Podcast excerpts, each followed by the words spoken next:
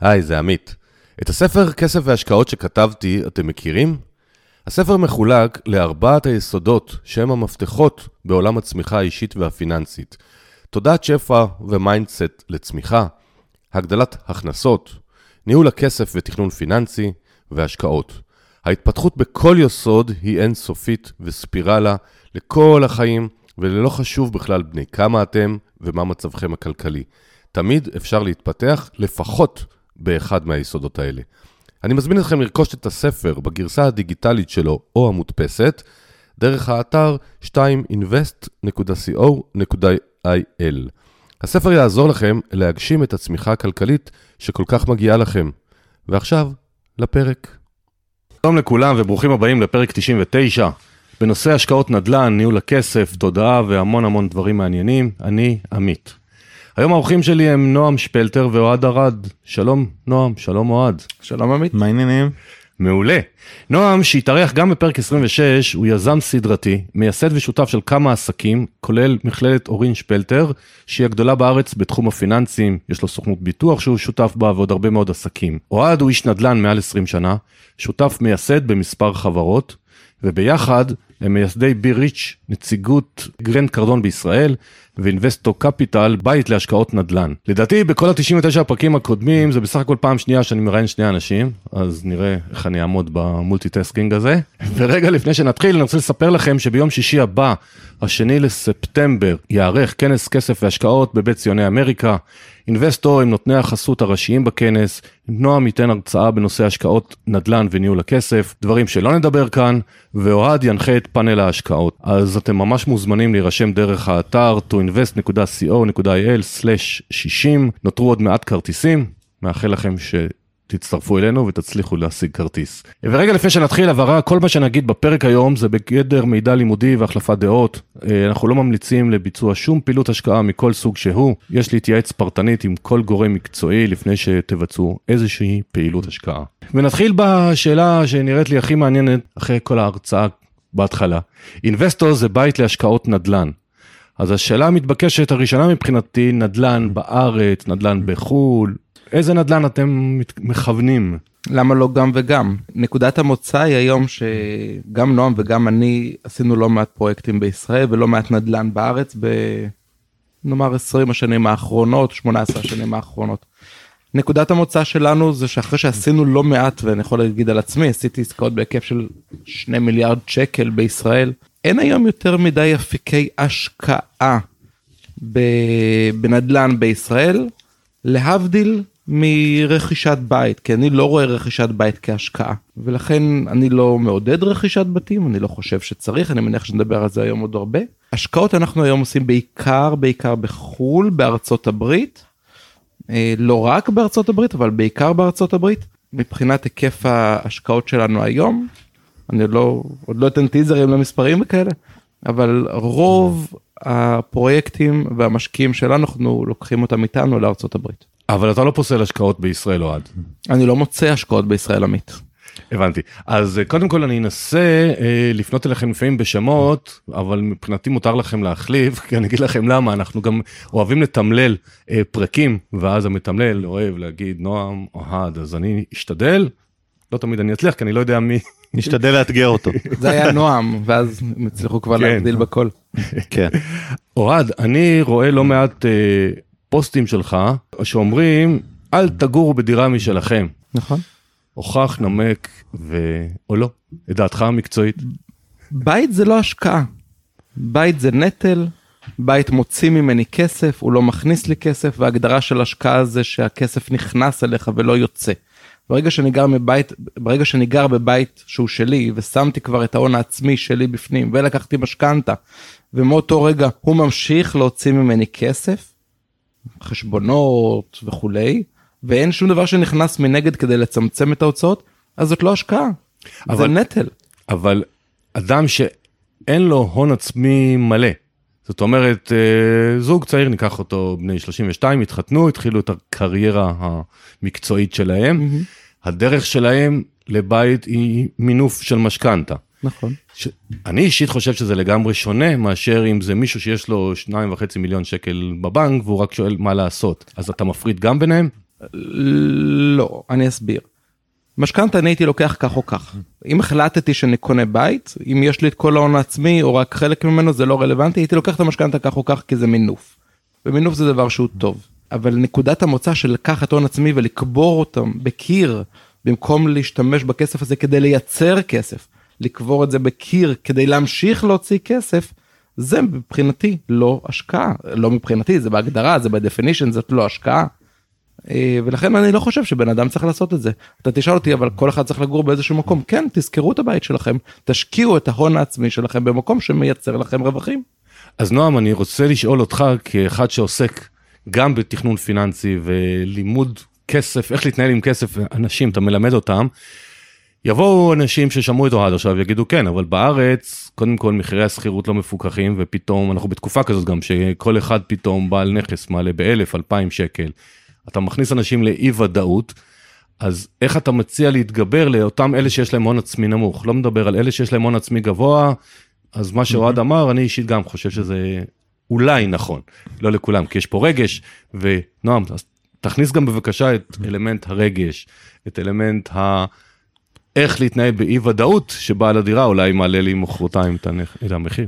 קודם כל הזכרת שהמון בארץ גרים בדירות בבעלותם ובגלל שאין פיקוח. רוב העולם אין פיקוח לשכר הדירה. בואו רגע ש, שלא יובן אחרת. אוקיי יש ערים מסוימות ברלין מנהטן וגם רוב מנהטן היא לא מפוקחת למרות מה שאנשים חושבים. אתה יודע יש לנו בניינים במנהטן ובאותו בניין יכולות להיות דירות בודדות שמפוקחות בגלל היסטוריה. אוקיי? אז קודם כל חשוב להתייחס לזה שהמפוקח או לא מפוקח זה לא השיקול. תוסיף לזה שמשנה לשנה אם ניקח את ארצות הברית למרות שהנתונים באיחוד האירופי די דומים משנה לשנה פחות ופחות אנשים גרים בדירות בבעלותם. אם בעבר היית מספרים גבוהים היום זה הולך ויורד בעיקר בדור ה-Y דור ה-Z וכדומה מבינים למה אני צריך לגור בבית בבעלותי זה פוגע לי בגמישות. אתה הזכרת הרבה את נושא הרגש אנחנו גדלנו אני עוד גם גדלתי בבית כזה ובטוח שגם אתה קודם כל תקנה בית שיהיה לך קורת גג זה הביטחון זה היה נכון כשהעולם היה אחר שלא היה לך חלופות לכסף שלא הייתה נגישות להשקעה שלא הייתה שקיפות למידע אז באמת זה, זה היה היגיון וגם בואו אני אגיד משהו שהוא אולי לא פוליטיקלי קורקט. דור שני שלישי לשואה הדבר הראשון שעניין אותם זה היציבות והבית בדיוק. קורת הגג. היום אנחנו חיים בעולם אחר לטוב ולרע דרך אגב עולם שבו בן אדם יכול לעבוד מכל מקום בן אדם אין לו את היציבות של העבודה שאני עובד באותו מקום עבודה 30-40 שנה ואז אני צריך לגור באותו מקום 30-40 שנה כדי ללכת לאותה עבודה 30-40 שנה. היום יש לך גמישות גדולה יותר במקומות העבודה. אה, היום אם מישהו אה, עובד באותו מקום עבודה 5-6 שנים אז, אז איתו משהו לא בסדר ולא זה הסטנדרט אלא זה היוצא דופן. אז הכל קשור להכל. היום אה, לגור בבית זה, זה רגש. שוב גילוי נאות אני גר בבית בבעלותי. מהשיקול היחיד שהוא הרגשי שאשתי משיקולים שלה למרות שהיום כבר היא מבינה שכלכלית זה לא נכון.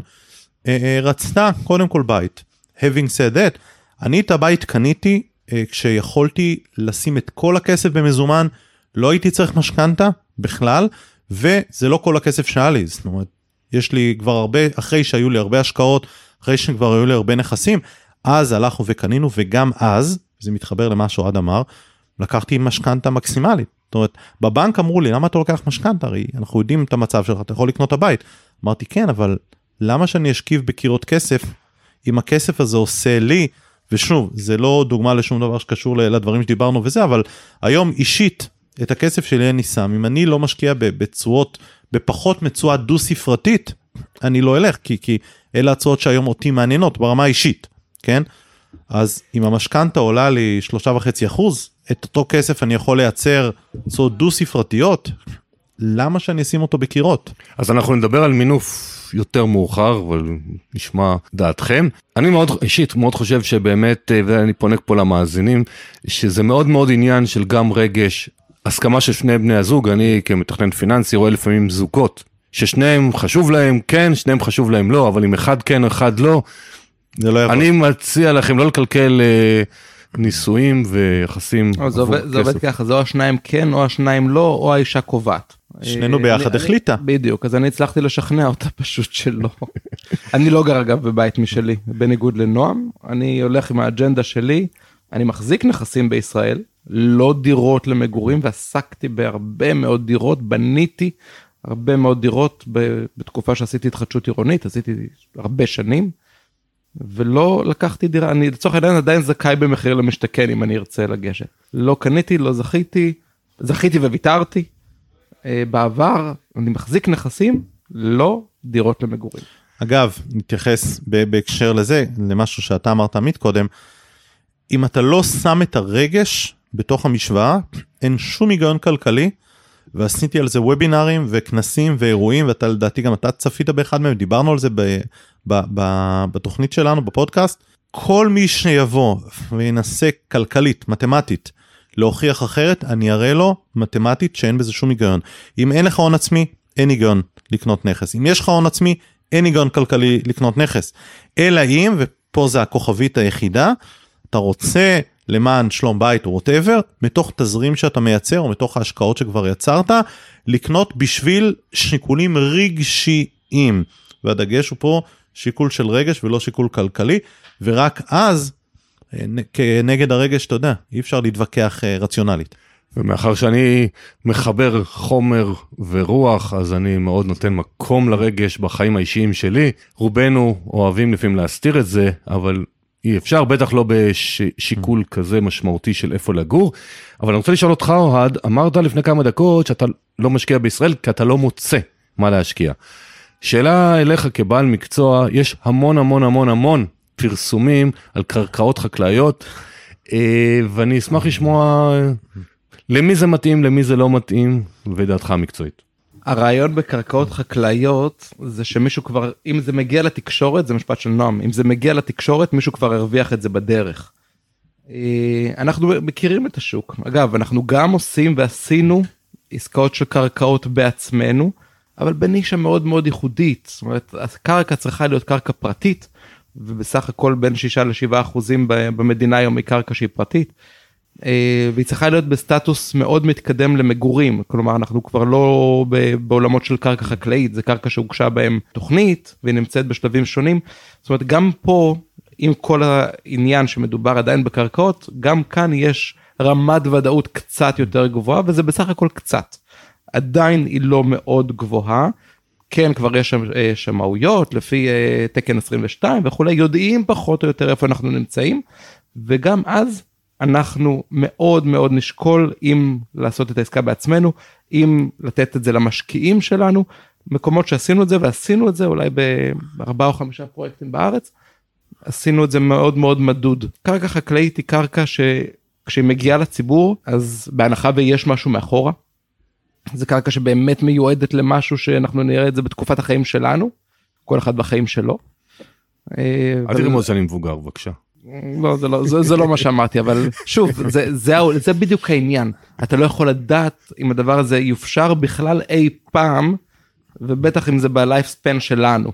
כי לכל כל עיר ולכל מחוז ולכל זה יש את השיקולים שלו, מה להפשיר ומה לא, ובאיזה שלבים ובאיזה תנאים. אבל היום כבר, כבר מוכרים אותם.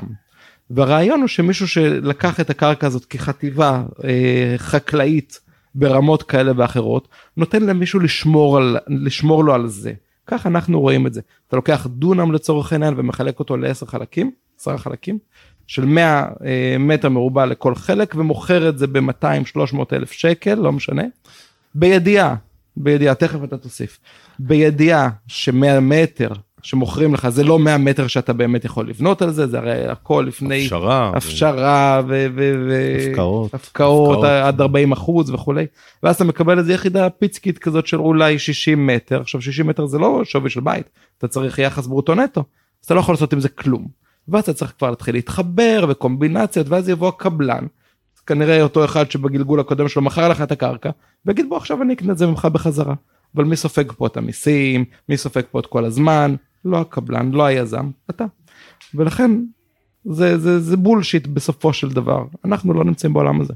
נועם? כן, אני עושה, אני יושב פה ואני מחייך. כן, אני רואה יש- שהוא מתאפק, יש לנו. המון, המון ניסיון בזה, כמו שאוהד אמר, הרבה שנים. הניסיון הזה הביא ללא מעט כללי אצבע לצורך העניין, אוהד הזכיר אחד מהם, קרקע פרטית. אה, הרבה אנשים אה, יגידו למה קרקע פרטית, אם זה קרקע מדינה יש לה אינטרס לקדם. אז זהו שלא תמיד. אם זה קרקע פרטית, זה קרקע שיש אנשים שמוכנים להשקיע אנרגיה, כסף לקדם. אה, לא תמיד אפשר להבין מה עומד מאחורי ההיגיון של קרקעות מדינה וכדומה, ומספיק גם, בצער אני אומר את זה, פקיד אחד שלא באת לו טוב, הוא יעצור פרויקט, לצורך העניין. אה, אז אם, אם הקרקע היא, היא פרטית, צמודה לשכונה קיימת, כי אחת הבעיות במדינה היום, לא יודע אם המאזינים יודעים, אבל 13.4 אה, שנים לוקח להקים שכונה חדשה בישראל. 13.4 שנים. זה הון, זה המון זמן, וזה אגב, הספירה של ה-13.4 שנים מתחילה מהרגע שמאשרים את הקרקע. זאת אומרת, עוד יש לך עוד לא מעט שנים עד שמאשרים, בגלל שזה תשתיות ותוכניות וביצוע בקרקע ואלף ואחד דברים שעוד צריכים לעבור בדרך, אז אתה מגיע פה להמון המון שנים ש, שלוקח זמן. ואם זאת אה, אה, קרקע צמודת שכונה קיימת, אז לפחות את הכמה שנים של התשתיות, אתה יודע שיש לך, יש תשתיות שמגיעות לשם וכדומה. אוהד אמר, אנחנו ב, ב, אפשר לספור על, על אה, שתי ידיים את כמות הפרויקטים שאנחנו היינו מעורבים בהם, ועל כף יד אחת את כמות הפרויקטים שהצענו גם למשקיעים. ותמיד זה off market, כי אם יש חברת שיווק, תמיד הם קנו את זה בגרוש ורבע, מכרו לך בפי 10, ואחד הכללים הנוספים, מציעים לך 100 מטר, אז רוב הסיכויים שלא יצא לך שום דבר מזה, כי 100 מטר יישאר לך 60 במקרה הטוב, ו-60 מטר ב- ביחס אה, של 1 ל-12 לדונה וכדומה, בחיים לא תהיה לך דירה משלך. אז אם, אם אנחנו כבר עושים עסקה, אז 250 מטר, זה יחידת קרקע בראייה שלנו, כי 250 אתה נשאר עם 150, 150 בוודאות תהיה לך דירה. לצורך העניין. וזו נגיד עסקה שאנחנו באמת עשינו, שאנחנו קנינו ברמת השרון יחסית לא מזמן והצענו את זה לכמה משקיעים אה, מקורבים אלינו ביחד. ועשינו עסקה כזאת כי כאן אנחנו יודעים שיש בשר אנחנו גם מכירים איפה זה עומד. אה, יודעים מה התכנון יודעים אז, איפה, אז בוא נתקדם את התוכנית. אז אני מאזינים יקרים שמעתם פה חוות דעת מקצועית מאוד. שמעתם חוות דעת מקצועית על קרקעות חקלאיות אז נתקדם לדברים שאתם כן מאמינים. שמענו אני אתן לך רק דוגמה בהקשר הזה דוגמה מהצד השני אבא שלי לפני הרבה שנים אה, אבא שלי איש צבא והיום הוא איש נדל"ן לא קטן. אה, חשב שהוא הולך לעשות את עסקת המאה ליד זיכרון בהתקדמות של זיכרון והוא קנה קרקע ובדיעבד היא הפכה לשמורת טבע. הוא אפילו איחר את המועד לתבוע לפי סעיף 197 אז נשארנו עם איילים וצבעים. אז הוא מאכיל ציפורים. אז נעבור למה אתם כן מאמינים אחרי שהיינו כאלה נגטיביים לא לקנות דירה בישראל ולא להשקיע בקרקע אז יאללה בוא נעשה משהו חיובי אתם עובדים ופעילים בארצות הברית לא מעט רציתי לשמוע תבחרו אתם לא יודע נועם או אוהד עם מי התחיל אז כנראה שנועם למה בזכות מה אתם מאמינים כל כך בארצות הברית. קודם כל אני רוצה לחדד זה לא לא לקנות דירה בישראל אוקיי? זה לא לקנות דירה, נכס בודד. יש אה, הבדלים בין סוגי הנכסים השונים. נכס בודד, הכאב ראש הוא בודד. זה צריכים לקחת את זה ככלי אה, אצבע, כלל אצבע. אם אתה הבעלים היחיד של הנכס, כל הכאב ראש הוא עליך, כל בעיה, כל תקלה, כל דבר, הוא עליך, וזה גם לא משתלם לך להחזיק, אם יש לך נכס אחד, לא משתלם לך להחזיק אנשי מקצוע. אז זה לא רק בישראל, עזוב שהתשואות בישראל הם, על דירות 2, 3, 4, אם השגת דירה היום שהיא בחמישה אחוז זה כאילו זכית בלוטו, בסדר? לצורך העניין, ועם שישה, וואי, עסקת אחת למאה. זה לא מכסה את המשכנתה ברוב המקרים, אם אתה, או את המימון, אם אתה כבר לוקח. אז לחדד רק את העניין של דירה, אם אתה הולך מעבר לים לדירה בארצות הברית לצורך העניין, אז אם אתה קונה נכס בודד, הרבה פעמים משקיעים לא מבינים את ההבדל. אתה יודע, מוכרים להם בית יהיה בבעלותך, הוא רק בבעלותך, רשום בטאבו וכל הדברים האלה. שוכחים לספר להם שכל תקלה שיש זה עליך, ואם הדשא לא קוצץ בזמן או לא עומד בתקן, אז אתה מקבל את הקנס ולא הדייר, ואת המס השנתי אה, אתה משלם ולא הדייר, וכל נזק שנגרם זה אתה משלם ולא הדייר, וכל תקלה וכל תקלה וכל תקלה. עכשיו, הרבה פעמים ישראלים הולכים לקנות נכס בודד, והם אומרים, אה, יש לי רק 200 אה, אלף שקל, אז אני אקנה. 200 אלף שקל זה נכס של 60 אלף דולר. אוקיי אז מצד אחד משווקים להם בוא תקנה תהיה בעלים של נכס וכו' מצד שני אה, נכס של 60 אלף דולר או 50 אלף דולר אלה שכונות שבדרך כלל לא היית רוצה לגור שם עכשיו תמיד באה הגישה של כל המשווקים למיניהם וזה אומר, כן, אבל אתה לא הולך לגור שם, אז מה אכפת לך? אכפת לך כבעל נכס, כי הדייר שגר שם, אלה הדיירים שמרגישים בנוח לגור בשכונה הזאת. ואם אחר כך תהיה לך בעיה, אלה הדיירים שיגידו לך, מה תעשה, תתבע אותי. אלה הדיירים שיתקשרו אליך באמצע הלילה. אלה הדיירים שיהרסו את הנכס וילכו כי אין להם איך לשלם ולא אכפת להם מהנכס שלך. אלה הדיירים שאיתם אתה צריך לריב. אז לבוא ולהגיד לקנות נכס בודד זה משהו אחר. having said that, אם אתה הולך לשכונות, יגידו אנשים, טוב אז אני אלך לשכונות היוקרתיות יותר, בשכונות היוקרתיות יותר אז אלה בתים של 300, 200, 300 אלף דולר, אין בעיה, אם כבר יש לך את הסכום הזה, אז יש לך הרבה יותר יכולות השקעה, ולא רק לקנות בית כזה. ואם אתה כבר קונה בית כזה, אז המיסים על בית כזה הם הרבה יותר גבוהים, כי זה אחוז מערך הנכס כל שנה, נופל עליך, והדיירים יש להם סטנדרטים יותר גבוהים, אז אתה צריך לטפל בסטנדרטים יותר גבוהים. נזקים הם נגרמים, זה בבית יקר יותר, אז העלויות יקרות יותר, והבנת את, ה, את הרעיון. אה, אה, בסופו של דבר, וזה אוהד תמיד אומר, כשאתה קונה נכס בודד, זאת עסקה בינארית. אפס או שהצלחת, ואז הצלחת בגדול, או שלא הצלחת, ואז אתה הולך לשלם את המחיר בגדול, מה שנקרא, מה שנקרא. אז אחרי שאני דיברתי על קצת למה לא, אוהד בוא תרחיב על, על בכל זאת מה כן? כי יש המון אפשרויות. אנחנו כל הזמן אומרים מה לא עד עכשיו אמרנו מה לא. אני רק אוסיף כי המאזינים יגידו אבל נועם לא הזכיר שהוא לא חייב לעשות את הכל בעצמו יש חברות ניהול. אז נכון יש חברות ניהול אה, וחברות ניהול הם כאלה שאתה בסך הכל עוד חור בחגורה שלהן. הן מחזיקות עשרות בתים אם לא מאות בתים ואתה בסך הכל עוד לקוח אחד שלהם אז מצד אחד הם לוקחים לך את העשרה, חמישה עשר אחוז שנתי מתוך שכר הדירה, הם מטפלים לך בכל הבעיות כביכול. אבל אז כשצריך להחליף ברז שעולה 25 דולר אז הם מחליפים לך את הברז ב-25 דולר אבל על עצם האגרה הם נותנים לך 350 דולר. ומפה לשם הם אוכלים לך את כל שכר הדירה אז אתה נשאר עם כלום אה, בגדול לפעמים עם איזשהו רווח כזה או אחר. מה גם שבארצות הברית אתה לא יכול לקחת כמשקיע עצמי אתה לא יכול לקחת משכנתה כלומר כל ההשקעה שלך זה בהון עצמי אז גם אין לך פה מינוף וחבל. ויש דרכים הרבה יותר טובות להשקיע אגב לנו כיזמים בארצות הברית היום שבונים 300 400 פלורידה, בתים 300, היום יש לך יוסטון. הכי לך- קל לי לבוא למשקיע הישראלי הסטנדרטי ולהגיד לו בוא תקנה ממני אתה לא צריך את האמריקאים בכלל אני בניתי בוא תקנה בית מוכן מה, מהניילונים מה שנקרא ובהצלחה. ואנשים יקנו. אנשים יקנו אני יודע בוודאות אני אולי אפילו ארוויח יותר ממה שאני מרוויח היום. אני לא חושב שזה נכון לבן אדם להחזיק בית בבעלותו.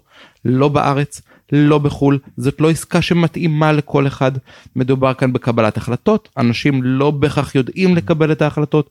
מדובר כאן בהתנהלות עם סוחרים אנשים לא בהכרח יודעים או רוצים להתנהל מול סוחרים או מול חברות ניהול. זה דבר שצריך להתעסק איתו זה לא לצורך העניין משהו שהוא פסיבי. זה לא זה ממש לא פסיבי אגב. זה דבר שצריך לעבוד בו. תיווך החלפת דיירים תיקונים צריך לעבוד בזה. זה בכלל לא משנה איפה זה. כמו שנועם אמר שאני אמרתי זה בינארי. זה או שהצלחת או שלא הצלחת. או שהשוכר משלם או שהוא לא משלם. או שיש שוכר או שאין שוכר. והבעיה היא שאם יש שוכר והוא לא משלם אז בכלל צריך ללכת להליך של פינוי וזה eviction וזה בעיה בפני עצמה. מה כן? אנחנו עושים את העסקאות שלנו מתוך מודל של פיזור. פיזור נותן לי יציבות ויציבות נותנת לי שקט.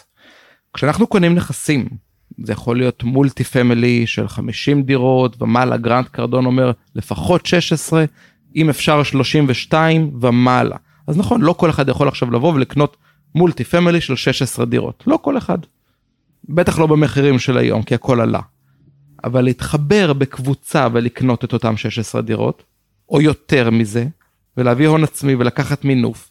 ואנחנו היום עושים עסקאות של 48 דירות, 96 דירות ומעלה, בונים בכמויות של אה, 20, 30, 40 בפרויקט, 135 בפרויקט, בתים נפרדים.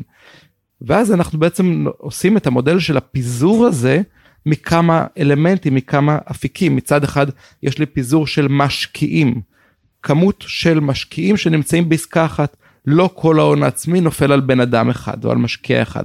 מספר משקיעים שמתחברים, על פי חוק אנחנו יכולים להציע עד 35 משקיעים, אז בואו נאמר, עסקאות גדולות יפות יש לנו 20, 25 משקיעים, אה, ששמים את ההון העצמי, את הכמה מיליונים, ואז אנחנו הולכים ולוקחים את המינוף, את המשכנתה, ועושים עסקאות של, עסקאות שנמצאים בטווח אגב הלא נוח. הטווח הלא נוח זה סביבות החמישה עד עשרים מיליון דולר. זה הטווח הלא נוח. זה טווח שהוא גדול מדי למשקיעים פרטיים, וקטן מדי לחברות הגדולות. אז זה הטווח הלא נוח, בין חמישה לעשרים מיליון דולר. פה אנחנו עושים את העסקאות שלנו, בכל מיני שיטות. בנייה חדשה, נכסים מניבים, חוזים, כאילו חוזים, אה, סחר בחוזים או אוקשנס, מכרזים, ובעצם מתאימים למשקיעים שלנו את העסקה הטובה ביותר עבורם. אתה הולך להגיע לזה, אז אני אעצור פה. לא, לא, אני רוצה לשאול, שאני מבקש שתמשיך ותסביר גם למה רק ארצות הברית? זאת אומרת, האם במדינות אחרות אני אסביר. אין את אותו דבר? כי אתם, אני מבין, בחרתם להתמקד שם, אז שנבין כולנו. מ- נכון, מטעמי נוחות, מכמה סיבות. קודם כל אתה מדבר על הכלכלה הכי גדולה בעולם, אין מה לעשות. זו הכלכלה הכי גדולה בעולם, והיא שולטת גם בעולם. הדולר זה הדולר שנסח... זה המטבע שנסחר בכל העולם, והאנגלית זה השפה המדוברת בכל העולם. אז למעשה זה מטעמי נוחות כאלה, זה לא הכי נוח כי זה יחסית רחוק ואנחנו עושים את הטיסות האלה. שיחות שלנו והזומים שלנו זה בשעות לא שעות, אני כל הזמן אומר, אני מתעורר פעמיים ביום, שבע בבוקר ישראל, שבע בבוקר ארה"ב, בארבע אחרי צהריים. הסיבה היא סיבה נוספת, גם אני וגם נועם עורכי דין, ושנינו באופי שלנו שמרנים, ואנחנו לא נעשה עסקאות, או לפחות מתקשים עם זה רעיונית, לעשות עסקאות במקומות שאנחנו לא יודעים את השפה. אנחנו יורדים, שיש לנו כמובן את עורכי הדין שמלווים אותנו גם בארץ, גם בחו"ל וכולי, אבל אנחנו יורדים בדיו דיליג'נס שלנו, בבדיקות הנאותות שלנו, לרמות מאוד מאוד נמוכות. ואנחנו קוראים את מסמכי המקור, אנחנו קוראים את הדידים, אנחנו קוראים את ההתכתבויות, אנחנו, אנחנו קוראים, אנחנו לומדים מה אנחנו עושים. אנחנו גם שמים את הכסף לפני כולם, זאת אומרת אנחנו גם באמת מסכנים פה כסף. ובארצות הברית זה באנגלית. גם באנגליה זה באנגלית. זה לא אומר שאין עסקאות אגב מחוץ לארצות הברית, עסקאות יש בכל מקום. גם בטהרן יש עסקאות. בעיקר כאלה שמורידים להם בניין ואז. לא, אבל בהודו אי אפשר לקנות אזרחים זרים, רק דרך חברה. ב? הודו, כשהייתי שם, שאלתי. אוקיי, אז בסדר, אז שם לא בדקנו, גם שם מדברים אנגלית, אבל שם לא בדקנו. פחות מזה. אבל יש, יש מדינות באירופה שכן בדקנו, כמו גרמניה, כמו יוון. קשה. מצד שני יש מדינות כמו פורטוגל נאמר, שאתה אומר פורטוגל מדברים שם פורטוגזית מה מה זה כאילו אמור ליפול לכם בבדיקות שלכם. אז לא העסקאות שם נעשות באנגלית. ואנחנו בודקים לחלוטין עכשיו גם את פורטוגל באפקט באלמנט סליחה של בנייה חדשה שימור ובנייה חדשה. מאוד מעניין אנחנו נכנסים לזה אבל היום אנחנו עובדים בעיקר בארצות הברית אנחנו עובדים היום בשבע או שמונה מדינות כל מדינה לגופה, מדיניות מס לגופה, עם uh, עסקאות מסוגים כאלה ואחרים. Uh, זה עיקר העבודה שלנו היום. מעולה. אז יושבים להם המאזינים שמאזינים לנו עכשיו, אנחנו מקליטים את הפרק באוגוסט 2021, אני לא יודע מתי תאזינו. 22, 22, עמית. איך הזמן עובר כשנהנים. כן, הנה, אוף, עברה לנו שנה. אה, באוגוסט 22 הריביות בעולם עולות האינפלציה אף אחד לא יודע אם היא זמנית או לא שאלה מי האינטרסנט שאומר באותו יום כי חלק אומרים זה זמני חלק אומרים זה אמיתי. יש מיתון אין מיתון. כן ובסך הכל המאזינים שלנו רוצים גם להשקיע. אז נועם כאחד שבדרך כלל יותר מדבר על תכנון פיננסי ומבט גדול הייתי שמח לשמוע מה אתה אומר לאותם מאזינים מתלבטים. קודם כל מי שמתלבט אם להשקיע שלא יתלבט שיתחיל להשקיע.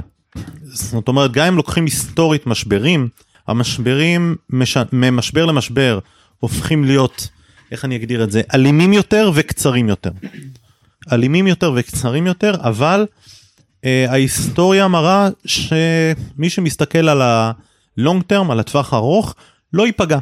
גם ב-2008 זה היה ככה ו- וכדומה, אבל אם אנחנו מדברים על המצב היום, ריביות עולות, מיתון, אינפלציה וכדומה, שנת 22 היא שנה יוצאת דופן, אתה יודע, כשמסתכלים על כלכלה מקרו, הניתוח של הכלכלנים בכל העולם הוא מה קרה בעבר ומה ניתן לצפות הלאה מהתבניות שהיו. אנחנו נמצאים בשנה שמבחינה היסטורית לא קרה עדיין. שילוב של כל כך הרבה גורמים כמו שיש בשנה הזאת לא היה מעולם ולכן א', כל מי שיגיד לי, נועם, מה שצפוי להיות הוא, אני אגיד, אתה יודע מה, אתה לא מבין. מסיבה פשוטה. מעולם, או, או ננסח את זה אחרת, כל אחד מהגורמים שאני אציין עכשיו, יכולים לגרום למשבר כלכלי. סיבה למשבר בפני עצמו. בדיוק, כל אחד מהם בפני עצמו. מלחמה באירופה, שתי מעצמות ענק, רוסיה אוקראינה. אוקראינה מספקת את רוב התבואה לאירופה. רוסיה מצידה מספקת את רוב האנרגיה לאירופה. שני הדברים האלה נחתכו. אין תבואה, אין אנרגיה. עצם זה יכול לגרום למשבר. שתיים, יש לך אה, אה, משבר אה, אנרגיה עולמי מאוד גדול, בגלל שעוד שאריות מהקורונה וכדומה. האירופאים היום אסור להם מבחינת העיצומים לקנות נפט מרוסיה, מעבר לגז שחתכו. תוסיף לזה את ארצות הברית. ארצות הברית יש לך נשיא שמבחינה היסטורית מקבל את התמיכה הכי נמוכה אי פעם, 33% לפי הסקר האחרון, לנשיא מכהן, זה גם לא קרה מעולם. תוסיף לזה בעיית אספקה מאוד מאוד גדולה בכל העולם בגלל הקורונה. תוסיף לזה, שים לב, אני מוסיף לך כל אחד מהם בנפרד, תוסיף לזה משבר אה, אה, עולמי בריאותי. אנחנו פה, אתה יודע, בישראל הקורונה כבר נראית לנו כשפעת, רוב העולם עדיין מתמודד עם זה. רוב העולם עוד מתמודד עם זה. תוסיף חוסר יציבות פוליטית באירופה, באנגליה. זה בפני עצמו יכול להביא למשבר כלכלי. אינפלציה מאוד גבוהה. האינפלציה הגבוהה נגרמת בין היתר בגלל חלק מהדברים שציינתי פה, אבל 40% מהדולרים, ואוהד ציין קודם שזה המטבע החזק בעולם, 40% מהדולרים שקיימים היום במחזור, מחזור הכסף העולמי, הודפסו בשנתיים וחצי האחרונות. זה לא קרה מעולם, גם אחרי מלחמות העולם לא הדפיסו כמויות כאלה גדולות. עכשיו, זה כסף שנשפך לשוק, נשפך לשוק, יוצר ביקוש. תוסיף לזה מחסור היסטורי בעובדים. בארצות הברית, בתחום ההייטק בעיקר, אבל לא רק, גם בתחום השירותים, על כל שלוש משרות יש לך עובד אחד. העובדים היום בכל העולם, גם בארץ אנחנו מחפשים עובדים וקשה למצוא. עובד היום שמגיע למקום עבודה חדש מראיין את המעסיק, לא המעסיק מראיין אותו. העובד מגיע ואומר כמה הוא הולך לקבל ולא כמה הוא היה מצפה לקבל. אז העולם מאוד השתנה בשנה שנתיים האחרונות כי ברגע שיש לך מחסור בעובדים המשכורות עולות משכורות עולות יותר כסף יותר כסף הם מבזבזים יותר הם מבזבזים יותר אינפלציה. והכל ביחד יש לך היפר אינפלציה שמגיעה בעולם של ריבית אפסית. התחילו לעלות ריבית באו ואמרו רגע אנחנו מעלים ריבית אבל אנחנו לא באמת יודעים שזה יקרה כי הסיבות לאינפלציה הם לא בגלל שהריבית נמוכה בגלל שאמרתי הדפיסו כסף ואנשים יוצאים אגב תוסיף לזה את זה שאנשים יהיו תקועים בבתים שנה ופתאום פורקים כל עול. תוסיף לזה שהמצב דיברנו על רגשי המצב הרגשי של אנשים הוא אנחנו יוצאים עכשיו ליהנות לבזבז כי חיים רק פעם אחת כי עברנו את הקורונה וכו' אתה יודע אני אתן דוגמה הכי טובה. בחדשות לפני שבועיים ראינו אנשים בנתב"ג על המצב בנתב"ג. ושאלו אנשים אתם נוסעים לחו"ל? מאיזה כסף? מצב כזה. אחת אמרה צחקה אמרה אנחנו מהמינוס. אחד אמר לקחתי הלוואה כדי לנסוע לטיול באירופה. אחד אמר אני לא יודע אני מוציא ואחרי זה נתמודד. המנטליות היא שונה לחלוטין אז קח את כל מכלול הדברים האלה אוקיי ו- וציינתי יש עוד רשימה ארוכה זאת אומרת אפשר לעשות פודקאסט רק על זה המלחמה אוקיי. בסין וטיוואן. סין שעוד לא- וטיוואן שעוד אף אחד לא יודע בוא מה קורה. נתקדם, ו- אז מה עושה אותו מאזין, שבלבלת אותו עכשיו יותר ולא עזרת יפה לו, אז אז כי יש לו ריבית שעולה, יש לו אינפלציה שעולה, נועם מביא לו עכשיו איזה סדרת הפחדות, אוהד מנסה להוסיף, לא הרשיתי, אז מה הוא עושה? הוא- אז מה עושים? הבהלנו אותו, קודם לא כל רוצה. מסתכלים על לי יש את הפתרון, אבל הוא יסיים את שלנו. חלקו. הסביבה שלנו. מה עם המקומות שבהם אה, אה, כרגע בגלל השילוב של הדברים האלה אני אשאל אותך בשאלה מאוד פשוטה ואתה יודע את התשובה. כשיש משברים כשיש תקופות מיתון מה כל העשירים עושים עם הכסף שלהם? מפנים אותו קניות. לקניות. איזה קניות של מה? כשיש דם ברחובות זה הזמן לצאת לקניות. יש שוק הון, יש נדל"ן, יש מוצרי יוקרה, נדל"ן, של, הכל, אה, נדל"ן. אגב מוצרי יוקרה רולקסים היום אתה לא יכול להשיג רולקסים בארצות הברית כן, כי כל העשירים נדפק. הייצור נדפק אספקה כל כן, העשירים קונים רולקסים. אבל התחום שאליו כולם הולכים הוא לנדל"ן נדל"ן אבל נדל"ן גדול מולטי פמילי כמו שאת ציין בנייני משרדים בנייני מגורים לשם הכסף הולך אגב מסיבה אה, אה, מאוד בסיסית. כשהמחירים עולים אנשים קונים פחות אה, אה, בתים כי הריביות עולות אז הם לא קונים בתים הם עוברים לשכירות אלה שיש להם כסף או העולם מתחלק לשניים אלה שיש להם ואלה שאין להם. מי שאין לו כסף לקנות עכשיו בתים ולהשקיע מצמצם עובר לשכירות מי שיש לו קונה נכסים כי כי היסטורית נדל"ן עולה. זאת אומרת שאתכם לא מפחיד מבחינת השקעות נדל"ניות, זה שהריבית עולה והאינפלציה. אני אתחבר לשאלה המקורית שלך. נועם לקח את זה תיאורטית לכל העולם ואחותו, וזה נכון. אבל אני אתחבר לשאלה שלך. זה שאלה של, בסופו של דבר, אה, ביקוש והיצע. וזה נכון שהריבית עולה, אז המשכנתה עולה, ומחירי החומרים עולים, וגם מחירי הבתים רעיונית צריכים לעלות, אבל זה לא תמיד נכון. ובמקומות שהם פחות מבוקשים, אז נכון שהריבית עולה, כי היא עולה בכל הברית, מדינות כאלה ואחרות וכולי, יש מס מדינה, מס אה, פדרלי. אז העלות עולה, מחירי החומרים עולים, שרשראות אספקה וכולי, שוב, מדינות נגישות יותר פחות, מדינות פנימיות יותר יותר, עלויות שינוע וכולי. אבל בסופו של דבר המשחק הוא להיות במקום המבוקש יותר. במקומות שאנחנו נמצאים, הם מבוקשים יותר, זה פריים לוקיישן לצורך העניין, קח את פלורידה, מדינה שתמיד נמצאת בהגירה חיובית, תמיד בביקושים. עכשיו בעקבות הקורונה, הביקושים שם הוכפלו ושולשו, כי אנשים הבינו שהם יכולים לגור איפה שהם רוצים ולהמשיך לעבוד מרחוק, אז למה לא לעבור למדינה כל כך נעימה, טובה, איזה עין יצא לי, נעימה, טובה, אה, מדיניות מס מקלה, מדינה אה, רפובליקנית, בניגוד למדינות דמוקרטיות. ופלורידה נהנית מביקושים שלא היו בה בחיים, מעולם, אף פעם. מדובר על סדר גודל של 600-700 אלף מהגרים אמריקאים שרק עוברים מדינה למדינה.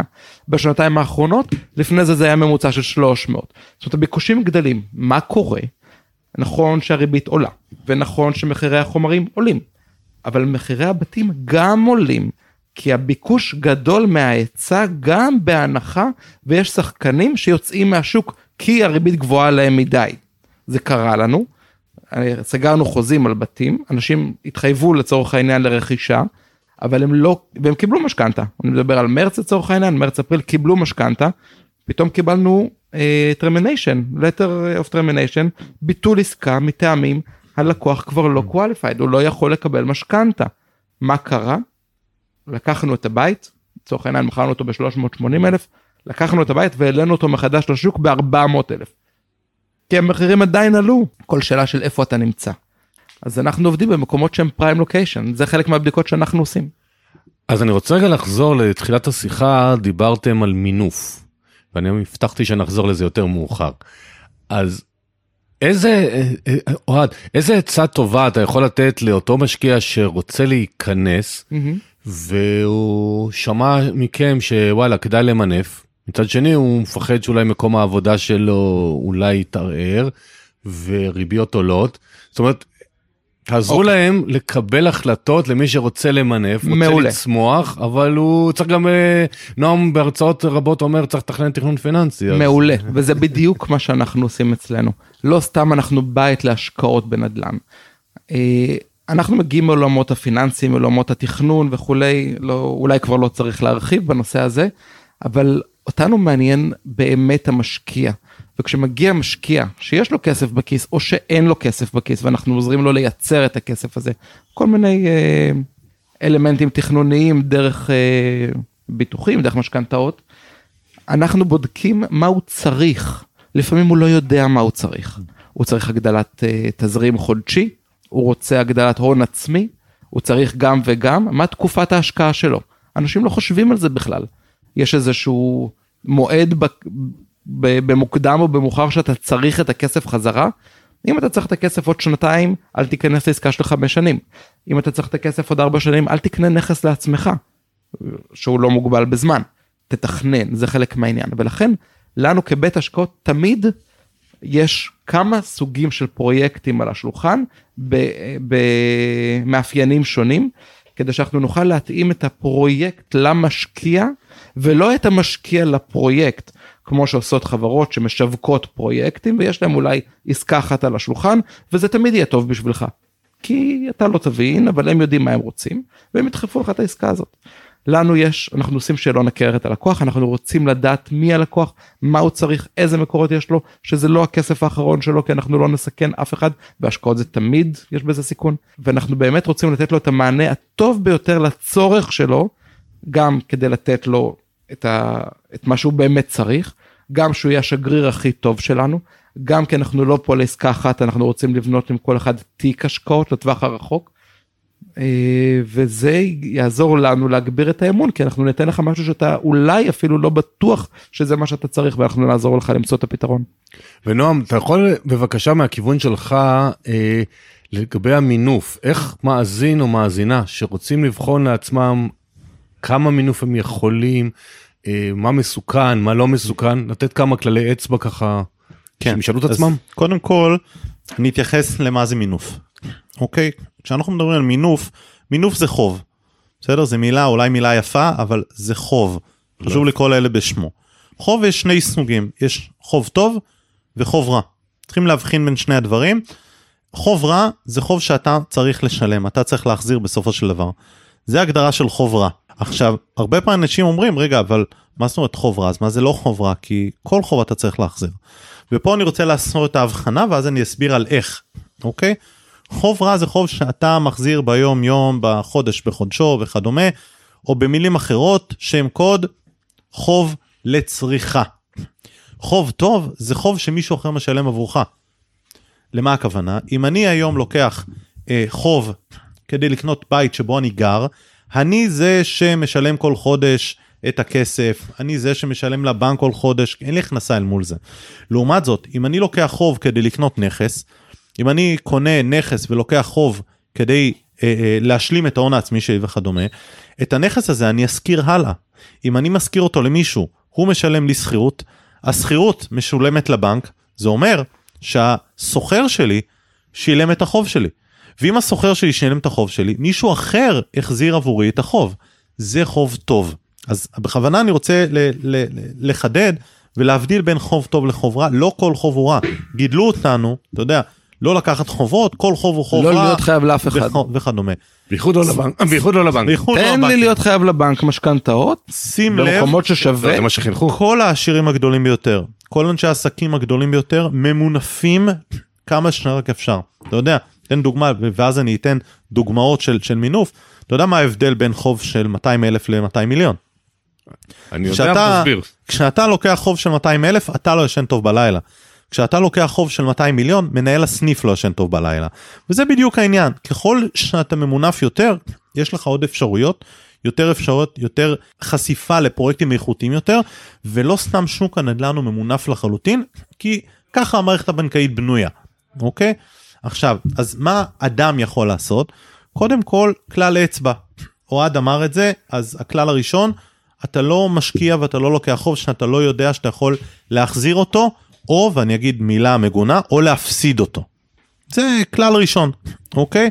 לצורך העניין, אם מישהו יבוא ויגיד לי, זה כל הכסף שיש לי בחיים, אני לא, לא בטוח שאני אמליץ לו להשקיע אותו, אוקיי? מצד שני, אם זה מישהו צעיר שיכול לבנות תיק, ועם החוב הזה, למעשה המינוף הזה יוכל לבנות אפשרויות הלאה, והוא מבין את המשמעויות וכדומה, אז כן אני אראה לו איך לעשות. לדוגמה, אנשים יכול, לא צריכים לפתוח קרן השתלמות. היום קרנות ההשתלמות מאפשרות לקרן נזילה לקחת הלוואה על חשבון הקרן. למעשה, הקרן ממשיכה לעבוד, ממשיכה לייצר את התשואה שלה, אתה לוקח הלוואה על חשבון הקרן ואת זה אתה משקיע, הכסף שלך עובד פעמיים, פעם אחת בשוק ההון, כקרן ההשתלמות, שם מי שלא יודע, כל הקרנות שלנו והפנסיות שלנו, הכל בשוק ההון, ומצד שני ההלוואה שלקחת בריבית אפסית, פריים מינוס חצי, פריים, פריים בוא נגיד, אם זה ריבית גבוהה, אתה משקיע בתחום אחר וממשיך לייצר תשואה נוספת. משחקי ארביטראז' כמה עולה לי כמה אני מרוויח. לחלוטין, וזה הכלל השני.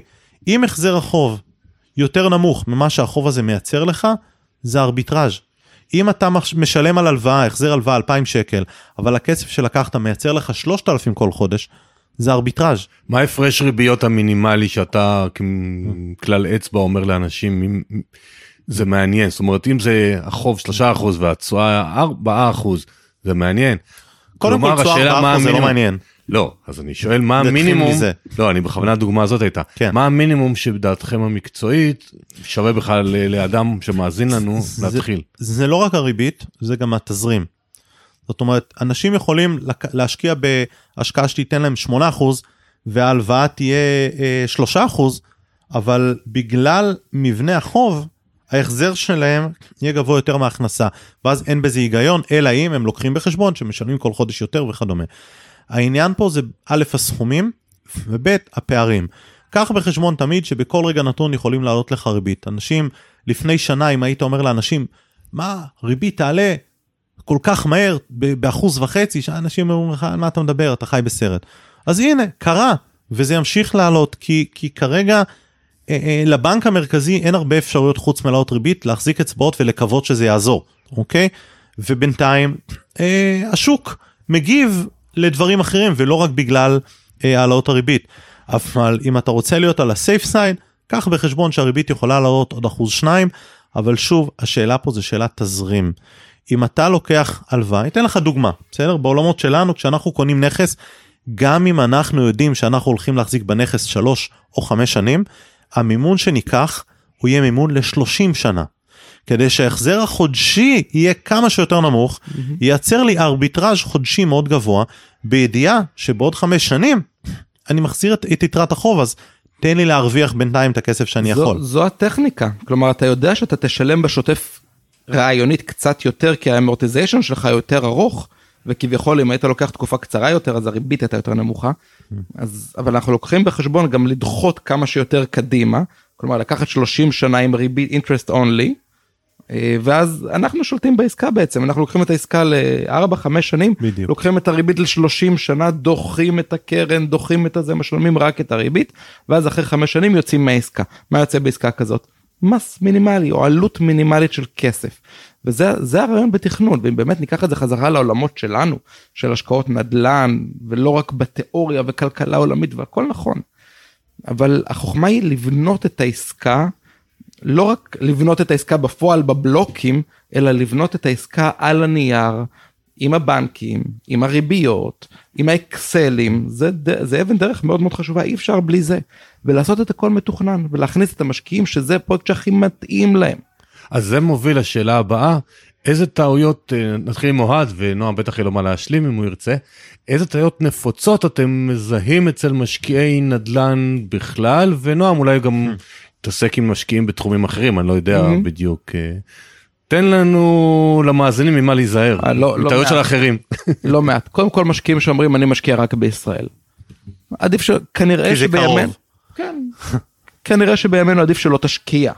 עכשיו זה נוגד את האג'נדה שלנו, האג'נדה שלנו זה תמיד תשקיע, אבל פשוט בישראל אין לך במה כרגע, אין לך במה. תתחילו לצאת מהגבולות, אנחנו בעולם, אה, בעידן האינטרנט מזה 25 שנים, תרשו לעצמכם כמו שעולים לשיחה בזום ככה ב, ב, בשלוף עם כל נקודה בעולם גם להשקיע בכל נקודה בעולם זה טכנית פשוט אז אפשר לצאת מגבולות המדינה אה, עד שמדינה תחזור לעצמה ואני לא יודע מתי זה יקרה אם בכלל.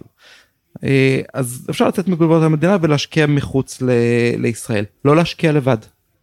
לא ללכת אה, ראש בקיר, לא לקנות נכסים באופן עצמאי, לא לקנות נכסים בבעלות פרטית, דיברנו על זה קודם, לקחת אנשי מקצוע, לקחת אנשי מקצוע טובים ומוכחים, כאלה שאתם יכולים לבקש, תן לי המלצות עליך, ויהיה לו את מי לתת, ולא רק את אחותו ואת האימא שלו.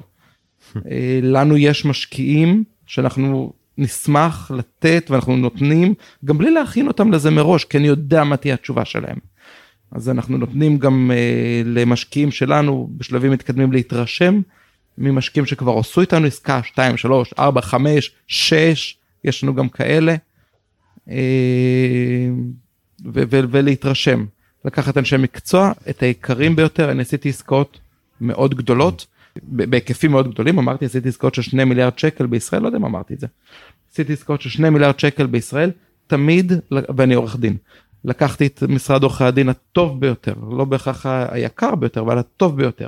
לקחתי את, ה, את השמאי הטוב ביותר, את האדריכל הטוב ביותר, לקחת אנשי מקצוע שילוו אותי. זה נכון גם למתכננים פיננסיים, גם לסוכני ביטוח.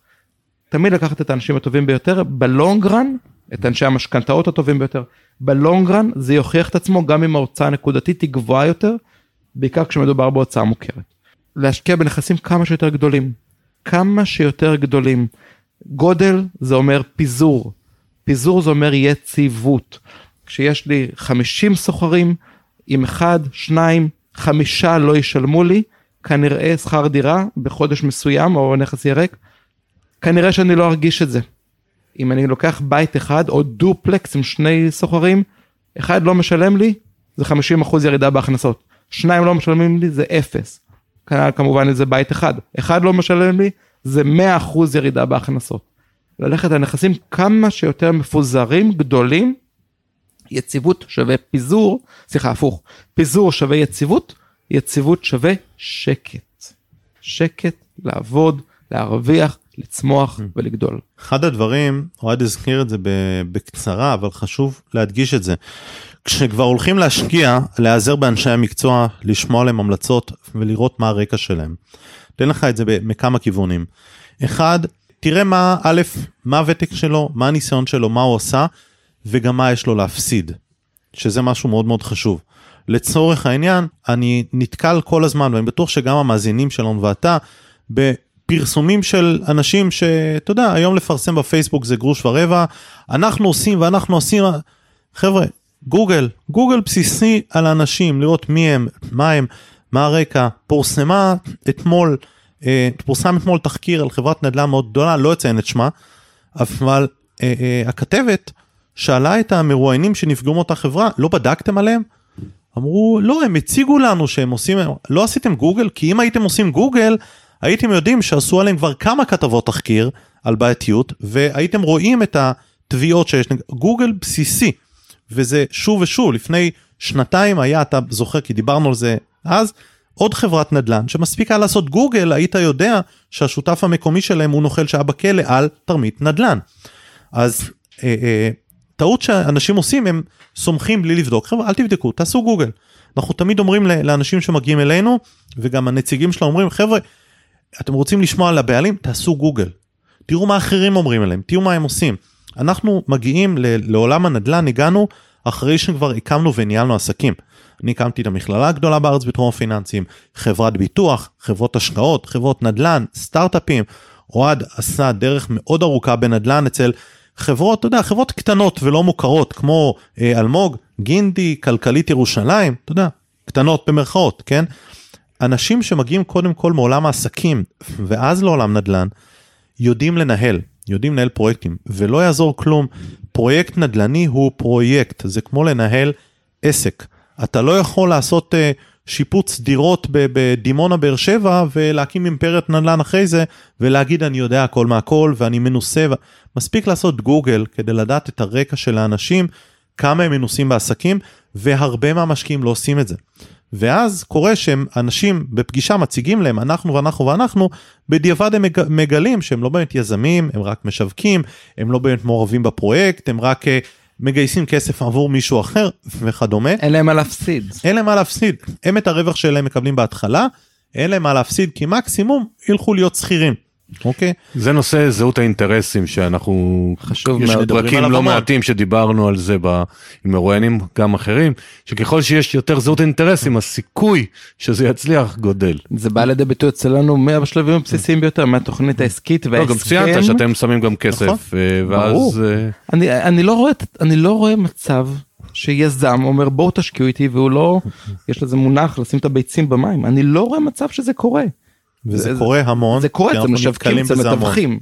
משווקים זה קורה כזה. כי הם, כי הם משווקים. הם משווקים, הם מגייסים כסף, נותנים למישהו אחר ואחריי המבול. ואז כשקורה משהו הם לא מעורבים באמת. טעות נוספת וזה טעות ש... אתה יודע, יש משפט שאומר, בלי להעליב אף אחד, כן? פראיירים לא מתים, רק מתחלפים, אוקיי? ובלי לפגוע באף מאזין, אבל כל הזמן מגיעים אלינו לפחות אחת לשבוע, מישהו שהשקיע במקום אחר, הבטיחו לו תשואה מובטחת, ותמיד אותו משפט, כן, אבל בחוזה הם התחייבו לתשואה, ואפילו נתנו לי צ'קים.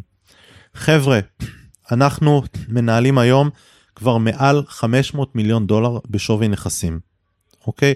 עשינו עסקאות במיליארדים, בארץ ובחו"ל. ואני אגיד את זה בצורה מאוד ברורה, יש לנו ניסיון מצטבר של שנינו של 40 שנה בנדל"ן ו-50 או 60 שנה בעסקים. אין דבר כזה תשואה מובטחת בהשקעות.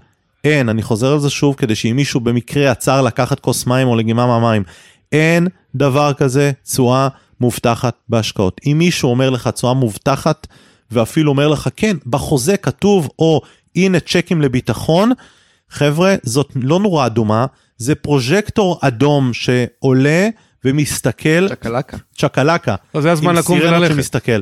אני תמיד אומר לאנשים שאומרים, אבל הוא הבטיח לי תשואה, אני אומר להם, חבר'ה, תגידו לו את הדבר הבא, עזוב, אני ארשום לעצמי את הצ'ק, אני לא צריך אותך בדרך. חבר'ה, אם מישהו מבטיח לכם תשואה מובטחת, זה, זה נורה אדומה. ענקית. יפה, כן, אחלה חרוז יצא. אהבתי. יפה. ו- ו- ואם יש משהו, אתה יודע מה, עם, עם מוסר השכל, מכל השיחה שלנו היום והפודקאסט הזה, אם מישהו נותן לכם תשואה מובטחת, חבר'ה, קומו ותלכו. קומו ו- ו- ותלכו להתייעץ עם אנשים טובים ותבדקו עליהם. אז נכון, יש קרנות חוב וכדומה, ואני אציין פה כוכבית. קרנות חוב שמוכנות לתת תשואה, אבל אז זה משהו אחר. אז כוכבית ענקית, התשואה בדרך כלל נמוכה משמעותית מתשואות של השקעות, ב' יש בטוחות או ערבויות שעומדות מאחורי זה. ואז זה כבר סיפור אחר כי זה סוג השקעה אחר, אתה נותן הלוואה למישהו. בדיוק, אני רק אגיד אה, מילה חשובה לגבי אה, ללכת לשאול אנשים שזה צריך להתייעץ עם אנשים שכבר עשו בעיקר לא עם המשפחה עם בני זוג כן חייבים נכון. כי זה בית משותף אבל אחים דודים דודות חברים כאלה שלא עשו והם אותם שכירים של 9-5 ומה איפה אתה רק אבל הם תפסיד קראו. באינטרנט, אבל הם קראו בפייסבוק. האינטרנט שמעו פודקאסט אבל הם קראו בפייסבוק שזה מסוכן. גוגל אמר, תתייעצו עם כאלה שכבר עשו עשו כל השאר ינסו לשמור עליכם מחוסר ידיעה אם יגידו לכם לא כי אתם חשובים להם אבל הם לא באמת יודעים.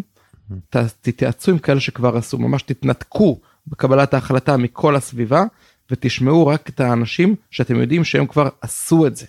זה כמו שגרנט גרנט קרדון, היו לי איתו הרבה שיחות, סוף שבוע האחרון היה לנו סשן משותף והיו לו הרבה שיחות, והוא אמר שם משפט לנוכחים ב mastermind שעשינו, הוא אמר חבר'ה, אני היום לא מתייעץ עם מיליונרים ומולטי מיליונרים. ומישהו אמר לו, מה, אבל הם אנשים שעשו, הוא אמר, כן, אבל אני מתייעץ עם כאלה שעשו את מה שאני רוצה. הוא אמר, אם אני רוצה היום לשחק במקרא של המיליארדרים, אני אתייעץ עם מיליארדרים.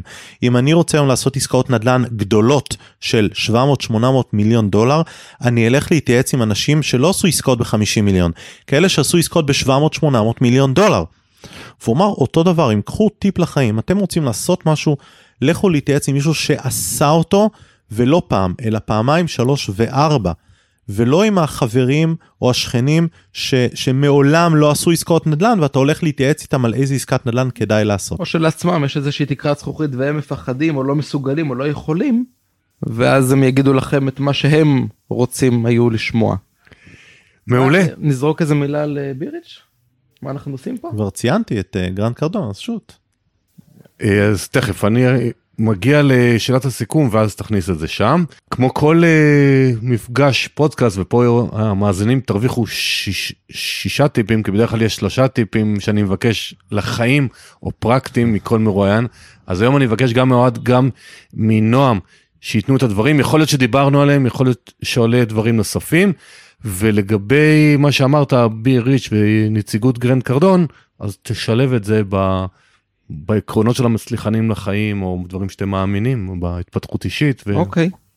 זה, זה דברים שהם הולכים ביחד מן הסתם כי אנחנו בסופו של דבר הולכים על ה funnel של גרנט קרדון שזה אומר התפתחות אישית mindset בדגש כלכלי פיננסי כל הדרך דרך תכנון ועד ל, להשקעות. אני אבל אני אפצל בין הדברים שלושה טיפים קודם כל תשקיעו. תצאו מאזור הנוחות שלכם הכסף לא צריך להיות בבנק בבנק אתם צריכים מה שנקרא to stay broke גרנט אומר את זה כל הזמן תהיו על האפס. אגב אם אתה שואל אותי אני אראה לך את חשבון הבנק שלי אם אתה רוצה אני נמצא במינוס 100 אלף תמידית כי יש לי ריבית של פריים על המאה אלף שקל הראשונים. הלוואה זולה. הלוואה זולה פריים. אה, אפילו זה פריים פריים מינוס חצי זה אפילו פריים קצת עלה לא נורא והכסף הזה מושקע אז to stay broke תישארו עם אפס כסף בחשבון אתם לא חייבים להיכנס למינוס אבל תהיו באפס ותשקיעו את הכסף הזה במקומות שמכניסים לכם כסף. אה, אגב השקעה גם יכולה להיות השקעה בידע וידע מכניס כסף זה גם דרך לעשות השקעות אבל להיות באפס ולהשקיע זה אחד. שתיים להשקיע בפיזור. לא להשקיע לבד ולא להשקיע בנכסים קטנים שתלויים בדייר אחד אני מדבר על נדל"ן. להשקיע בפיזור של כמה שיותר סוחרים נותנים לי כמה שיותר פיזור שנותן לי כמה שיותר יציבות שנותן לי כמה שיותר שקט. זה היה שתיים. שלוש, לא לפחד לצאת מגבולות המדינה ברמת ההשקעה. נדל"ן לא צריך לנשק לפני השינה. זה לא משנה אם הוא נמצא ברחוב לידי, או בבניין שלי, או בעיר אחרת, או במדינה אחרת, overseas. זה לא רלוונטי. הנכס רשום על שמי ברמה כזאת או אחרת, בין אם זה במניות, בין אם זה בקבוצה, בין אם זה בטאבו. זה רשום על שמי, לא לפחד, מה זה משנה איפה זה נמצא. אלה שלוש הטיפ, הטיפים שלי, נועם תכף יוסיף את שלו. אני רוצה לספר רק ברמה, אה, ממש בקצה המזלג, מה אנחנו עושים כנציגות גרנט קרדון בישראל. גרנט קרדון הוא איש, איש המכירות הטוב בעולם, אה, הוכח, וכך אה, הוא הוגדר על ידי ה Forbes Magazine, אחד העיתונים הגדולים בעולם, והוא מוביל היום עסקים בשיטות המכירות שלו, עסקים גדולים מה, מה Fortune 500 בארצות הברית. בעיקר בעולמות הרכב אבל לא רק. מה שאנחנו עושים ב Be Rich אנחנו מלווים בעלי עסקים או אה, שכירים שרוצים לצאת לעצמאות או בעלי עסקים שרוצים לפרוץ תקרות זכוכית ולגדול ולעשות scale-up ול, ו, ו, ולהתרחב. ואנחנו עושים את זה בדרך שלנו באמצעות החומרים של גרנט קרדון אנחנו יחידים מחוץ לארה"ב שעושים את ה bootcamp שזה אירוע של שלושה ימים שאנחנו עושים כל חודשיים, מגיעים לשם עשרות בעלי עסקים אה, ועוברים איתנו סדנה של שלושה ימים שכבר בסדנה הזאת הם יוצרים עסקים חדשים, היא מחזירה את עצמה תוך כדי אה, ובתהליכי ליווי אה, אישיים, קבוצתיים שאנחנו עושים ויש לנו עשרות היום, זה נקרא אקסלרטור, תוכנית האקסלרטור המפורסמת של גרנט קרדון, יש לנו היום עשרות אה, בעלי עסקים שיכולים לספר איך הם נכנסו ואיך הם אה, היום או איך הם יצאו. אז זה לגבי Be Rich, אנחנו מוציאים לאור של גרנט קרדון בעברית ובערבית Worldwide, אנחנו זכיינים בעולם הערבי. וזה מבחינתנו ברמת Be Rich, הרבה, הרבה מאוד ערך וגם הרבה מאוד בחינם. נועם, הטיפים שלך. אז קודם כל הטיפ הראשון ודיברנו על זה קודם או הזכרנו את זה קודם אבל אני ארחיב. אה, יש משפט שהוא של ספורטאים דווקא. אה, If you want to run fast, run alone. If you want to run far, run together. או בעברית, אם אתה רוצה לרוץ מהר, תרוץ לבד. אם אתה רוצה לרוץ רחוק, תרוץ ביחד. תמיד תעבדו עם אנשים מקצועיים, אנשים טובים. אה, יש משפט ש... שאומר, אם אתה הבן אדם הכי חכם בחדר, אתה בחדר הלא נכון, וזה בדיוק העניין הזה. תקיפו את עצמכם באנשים שהם מעבר וגדולים יותר וכדומה. אתן לך, אה, אני, אני כל הזמן משתדל לצאת מאזור הנוחות, כי זה לא נעים להיות הפשוט בחדר נקרא לזה. ה mastermind שהיה לי בסוף שבוע האחרון עם גרנט, זה היה מצחיק, אבל חוץ ממני הבן אדם הכי פשוט במרכאות, זה בן אדם שמכניס 12 מיליון דולר בחודש, כאילו שכר בחודש, ו, ויש לו 15 מיליון איש ברשימות התפוצה. הוא כאילו הבן אדם הכי פשוט חוץ ממני, אני הסתכלתי על ההזמנה הזאת בתור, אה, פינקו אותי, בסדר? צ'ופר, כי למדתי המון מזה. וזה חלק מהדוגמה. תקיפו את עצמכם באנשים שעושים, תתייעצו עם אנשים שעשו והצליחו במה שאתם רוצים. זה הטיפ הראשון. הטיפ השני, אה, התמדה. אתם לא נכשלים עד שאתם מרימים ידיים. אתם כל עוד תמשיכו לנסות לא באמת נכשלתם. אם תיקח את הנורה, בסדר? הנורה, שרפו אלפי נורות לפני שהצליחו אה, לייצר נורה אחת. אם הוא היה מתייאש בדרך, לא הייתה לנו נורה, שמישהו אחר היה עושה. ולזה מתחבר המשפט ששום דבר הוא לא אפשרי עד שמישהו עושה אותו. זאת אומרת, גם כשמישהו בכל הסביבה אומר לך זה לא אפשרי, אוקיי, אז תספר את זה לאילון מאסק ולסטיב ג'ובס ולרבים אחרים שזה לא אפשרי. זה לא אפשרי עד שמישהו עושה את זה. והטיפ השלישי הוא, הוא משפט שהוא מאוד אה, controversy, זאת אומרת מאוד אה, מעורר, אה, מצחיק שאני שוכח מילים בעברית. תגיד באנגלית. אה, מאוד אה, מעורר חילוקי דעות, בסדר? יש משפט שאומר pay the price now so you can pay the price any price in the future. תשלם את המחיר היום כדי שבעתיד תוכל לשלם כל מחיר. והרבה אנשים היום בגלל הנוחות, אוקיי? או אני קורא לזה אזור הנוחיות, כי זה ממש, אה, טוב, אני לא אגיד את המילה פה בפודקאסט, אבל זה לא נעים, בסדר? להיות שם. אזור הנוחיות זה אזור שלאנשים נוח, אבל העניין הוא שהם, אנשים חושבים על זה, זה לא נוח להיות באזור הנוחות. כי אתה תמיד רוצה יותר ואתה מאוכזב וכדומה, אז אנשים מפחדים לשלם את המחיר כדי להצליח. ואני אספר לך, אני אתן לך דוגמה של מה זה לשלם את המחיר, כי אנשים אומרים, מה זה לשלם את המחיר, להוציא כסף? לא, לא רק. זה לעשות דברים שלא נוח לעשות. אנחנו בתחילת הקשר עם גרנט קרדון, הוא הזמין אותנו לסן פרנסיסקו אה, מהיום להיום, רגע לפני יום יום כיפור. כיפור. ערב יום כיפור בבוקר מתקשר, אומר נועם, מחרתיים אתם יכולים להיות בסן פרנסיסקו? עכשיו, מה? סן פרנסיסקו, הצד השני של העולם, כשלנו יש כלל, אנחנו בחגים בבית. טסנו לסן פרנסיסקו ללילה אחד. היינו יותר זמן באוויר עם הקונקשנים מאשר על הקרקע, כי הייתה לנו הזדמנות. בהתחלה אמרתי לו לא, הוא אומר תקשיב אני רוצה לארגן לכם פגישה אישית עם סילבסטר סטלון, גרי וי, טוני רובינס ו- ואנשי נדל"ן אתם מגיעים? אמרתי כן, yeah, כאילו ברור שכן. pay the price. עכשיו אנשים לא מבינים עד כמה זה לא קל לעשות דברים מסיביים, פעולות מסיביות זה אף פעם לא קל לעשות. תשלמו את המחיר. אם יש לכם הזדמנות לקפוץ על מטוס לצד השני של העולם כדי לפגוש אנשים שאתם יכולים ללמוד מהם, תעשו את זה. לא הסתכלנו בכלל על המחיר, זה לא היה רלוונטי המחיר. התקשרתי לסוכנת, אמרתי איילה, אני, אנחנו צריכים להיות מחרתיים בסן פרנסיסקו. אמרתי לי, נועם, מה התקציב? אמרתי לה, איילה, לא רלוונטי, אנחנו צריכים להיות מחר באירוע. אלה הפרטים, לכי על זה, תמצאי את הדרך. או אם אתם צריכים מחר ללכת אה, אה, ללמוד משהו, אם אתה רוצה להתמקצע בתחום מסוים, לך תלמד אותו. אם אתה רוצה ללכת לראות תרבויות אחרות, לך תעשה את זה.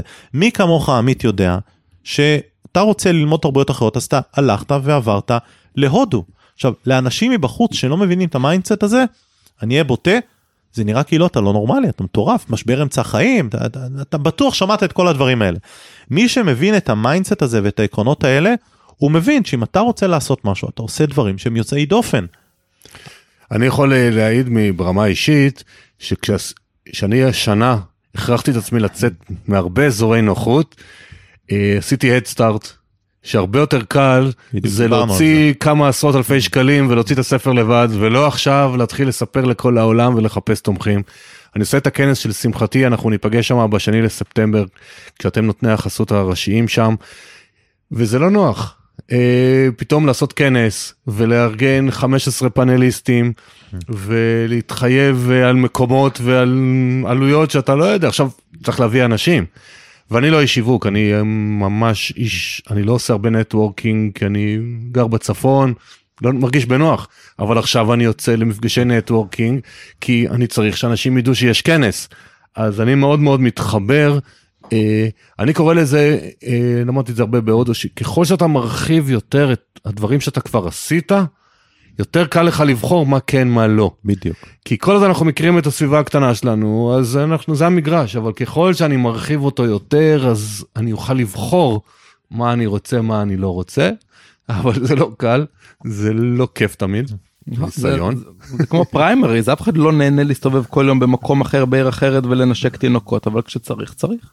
אגב, אז- אני רק... רק מתחבר למה שנועם אמר, לא חייבים לנסוע לקצה השני של העולם כדי לצאת מאזור הנוחות ולעשות פעולות מסיביות. גם להישאר כל לילה או שלוש פעמים בשבוע מ-9 עד 12 כדי לעבוד עוד קצת על המחשב מחוץ לשעות העבודה הרגילות שלכם, על עבודה שלכם פרטית, נדבר על. השכירים. תקימו את העסק שלכם בלילה. מהשעה 9 שילדים הולכים לישון עד 12, אני כל לילה בשעה, כל ערב, בשעה 9 חוזר לעבוד עד 2-3 בבוקר. כל ערב כי אני עובד מול ארה"ב. אבל ככה גם בניתי את העסק שלי כי עוד הייתי אז שכיר ועשיתי את זה בלילות. אני לא יודע מה זה. טלוויזיה אני לא רואה טלוויזיה. בקיצור אה, לעשות, לא נוח. משנה מה, כמו ששניכם אומרים, לעשות ולא רק לדבר ולא רק לשמוע פרשנויות של מי ל- שלא עשה. לעשות ולהגיד שאתה עושה כי אם אתה מה שנקרא עשית ולא אמרת לא עשית אז לעשות ולהגיד שאתה עושה. אחלה, תודה רבה נועם ואוהד, היה לי כיף. אנחנו בשני לספטמבר ניפגש בכנס. אה, ומאזינים יקרים, בתיאור הפרק יש לינק לאתר של אינבסטור, תוכלו להכיר ולעוד ועוד את החברה. ואנחנו נשתמע בפרק 100. אני מרגש אותי רק להגיד את המספר הזה, הוא יעלה לאוויר ב-29 לאוגוסט, זה יום ההולדת שלי, ולכן הוא יעלה אני מרגיש ב-29 כמו משה לאוגוסט. ב- ביציאת ו- מצרים הגענו ל-99 ולא עשינו את המאה איתו. לא, 100 זה מיוחד, אני לא מגלה. ותודה רבה. תודה. לכולם.